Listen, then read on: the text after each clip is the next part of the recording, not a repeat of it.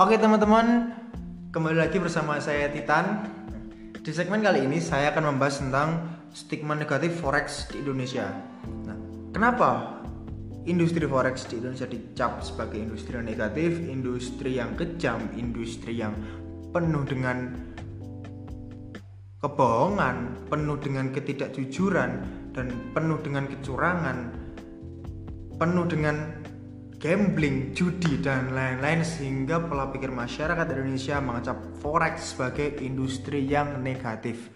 Nah, ada beberapa faktor teman-teman yang bis, yang yang bisa menyebabkan uh, forex ini di Indonesia dicap sebagai industri yang cenderungan negatif. Nah, yang pertama itu adalah ulah broker. Saya nggak mengatakan semua broker, cuman ada beberapa broker yang emang kecenderungan dia melakukan suatu suatu, suatu tindakan yang seharusnya tidak dilakukan. Saya tidak menyebut broker lokal atau tidak menyebut broker luar. Semuanya pernah melakukan dan bahkan sering melakukan itu. Karena itu sudah saya alami sendiri. Nah, ulah broker ini ada beberapa teman-teman. Yang pertama, kecurangan broker. Nah, kecurangan broker ini sangat amat sering terjadi. Bahkan saya sendiri pun sering uh, apa ya sering merasakan kecurangan broker itu sendiri. Dulu waktu saya pertama-tama pertama saya trading itu saya nggak nggak ngerasa dicurangi. Cuman sel, uh, setelah saya amati setelah saya mengenal trading lebih jauh oh ternyata saya pernah dicurangi gitu. Nah kecurangan broker tuh berupa apa? Yang pertama ada transaksi yang report ada transaksi yang reject. Terus kadang transaksi dihapus. Terus ada lagi transaksi nggak dibayar. Nah itu semua termasuk kecurangan-kecurangan broker teman-teman. Yang merugikan klien. Nah itu adalah salah satu ulah broker yang tidak bertanggung jawab yang menyebabkan dia mempunyai stigma negatif uh, oleh masyarakat. Nah yang selanjutnya ulah marketing yang asal-asalan. Nah kenapa saya bilang asal-asalan. Nah, banyak broker atau banyak perusahaan-perusahaan pialang terutama maaf lokal yang lokal yang di Indonesia itu banyak banget marketing-marketing yang asal mencari klien akhirnya dia dapat klien dan akhirnya kliennya trading tapi kliennya nggak nggak bisa ngapa-ngapain dan yang marketing juga nggak bisa ngapa-ngapain akhirnya terjadi suatu miss yang ujung-ujungnya membuat si klien rugi. Dalam suatu case ada si marketing A, uh, dia memprospek si nasabah. Marketing A ini tidak memiliki background edukasi forex yang mumpuni, yang baik dan benar, sehingga dia mendapatkan klien dan otomatis kliennya trading dan kliennya juga nggak nggak bisa ngapa-ngapain karena dia baru trading baru trading mungkin baru trading sekali dan langsung masuk market dengan uang real. Antara kedua orang ini si klien dan si marketing sama-sama tidak mempunyai background edukasi forex yang benar teman-teman. Nah sehingga itu menyebabkan si klien tidak bisa trading dengan benar akhirnya dia rugi. Nah biasanya si marketing ini kecenderungan dia mengirimkan sinyal untuk si kliennya agar kliennya trading menggunakan sinyalnya si marketing. Tapi nggak tahu marketing ini dapat sinyal dari mana.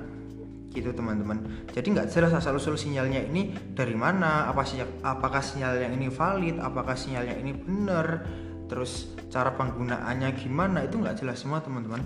Jadi si klien ini trading dengan sinyal yang nggak tahu asal usul bibit beb, bibit bebet bobot uh, sinyal tersebut. Nah, karena dua-duanya antara si klien dan si marketing tidak tidak mempunyai background edukasi yang benar, akhirnya terjadilah kerugian teman-teman yang dialami si klien.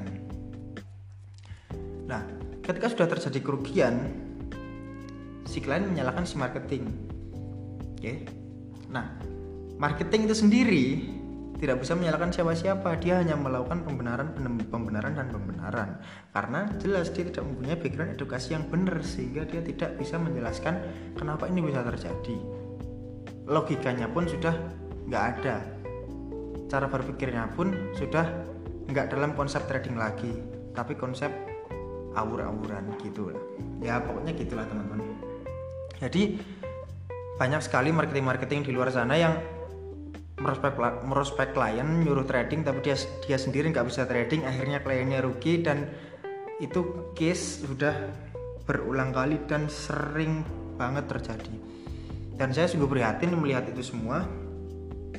Seharusnya klien itu harus di bawah marketing yang bisa trading supaya marketing supaya kliennya bisa dibimbing trading dengan benar. Cuman keadaannya sekarang itu tidak seperti itu tapi malah kebalikannya. Marketingnya nggak bisa trading kliennya juga nggak bisa trading. Oke akhirnya rugi dan boncos. Akhirnya klien nggak terima marah-marah pergi ke kantor dan bla bla bla bla akhirnya terjadi stigma negatif terhadap forex di Indonesia.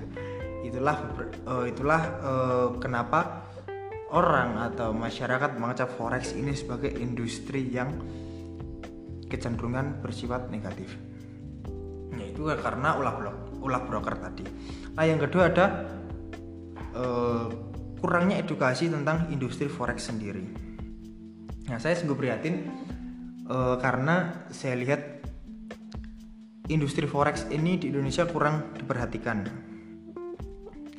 Nah jadi kalau klien rugi itu sebenarnya nggak nggak nggak murni salah marketing juga nggak kliennya pun juga nggak nggak punya edukasi yang benar sehingga dia trading dengan feeling akhirnya dia gambling berharap untung dan akhirnya ya kayak gitu teman-teman rugi dengan sendirinya mungkin pertama-tama untung cuman keuntungan itu tidak akan bertahan lama kalau dia tidak mempunyai konsep, strategi dan dan psikologis yang benar. Keuntungan itu hanya bersifat sementara dan tidak akan bisa konsisten. Itu karena ya tadi karena kurangnya edukasi, kurangnya wawasan, kurangnya pengetahuan, kurangnya knowledge tentang forex ini. Nah, edukasi ini sangat penting menurut saya karena tanpa adanya edukasi kita nggak akan bisa survive di industri forex ini terkadang sudah teredukasi dengan benar pun dia masih nggak bisa survive. Apalagi yang nggak punya edukasi atau nggak punya background pengetahuan tentang forex dengan baik dan benar ya itu tinggal nunggu waktunya aja sih sebenarnya. Kayak gitu. Nah itulah beberapa uh, penyebab atau faktor yang menyebabkan forex ini uh, diberi stigma negatif oleh masyarakat di Indonesia. Karena sudah banyak sekali korban sudah banyak sekali uh, apa ya? Ya intinya korban rugi dari transaksi ini karena ulah broker curangan broker ulah marketing yang tidak bertanggung jawab terus kurangnya background edukasi dari tradernya sendiri ya dan masih banyak lainnya sih sebenarnya. Cuman saya hanya menyebutkan ini karena ini adalah uh, apa ya kalau menurut saya faktor atau unsur yang emang sering terjadi dan kebanyakan case itu berawal dari sini atau bersumber dari sini. Gitu sih teman-teman. Oke cukup itu saja mungkin yang bisa saya sampaikan kepada teman-teman semua. Saran saya atau hmm, ya pesan saya kepada teman-teman sebelum melakukan trading kita harus belajar terlebih dahulu. Belajar dulu belajar dulu baru uang. Belajar dulu uang kemudian. Itu teman-teman. Cukup sekian dan nantikan podcast saya selanjutnya. Tetap stay tune di Invest Bro. Oke bye bye teman-teman semua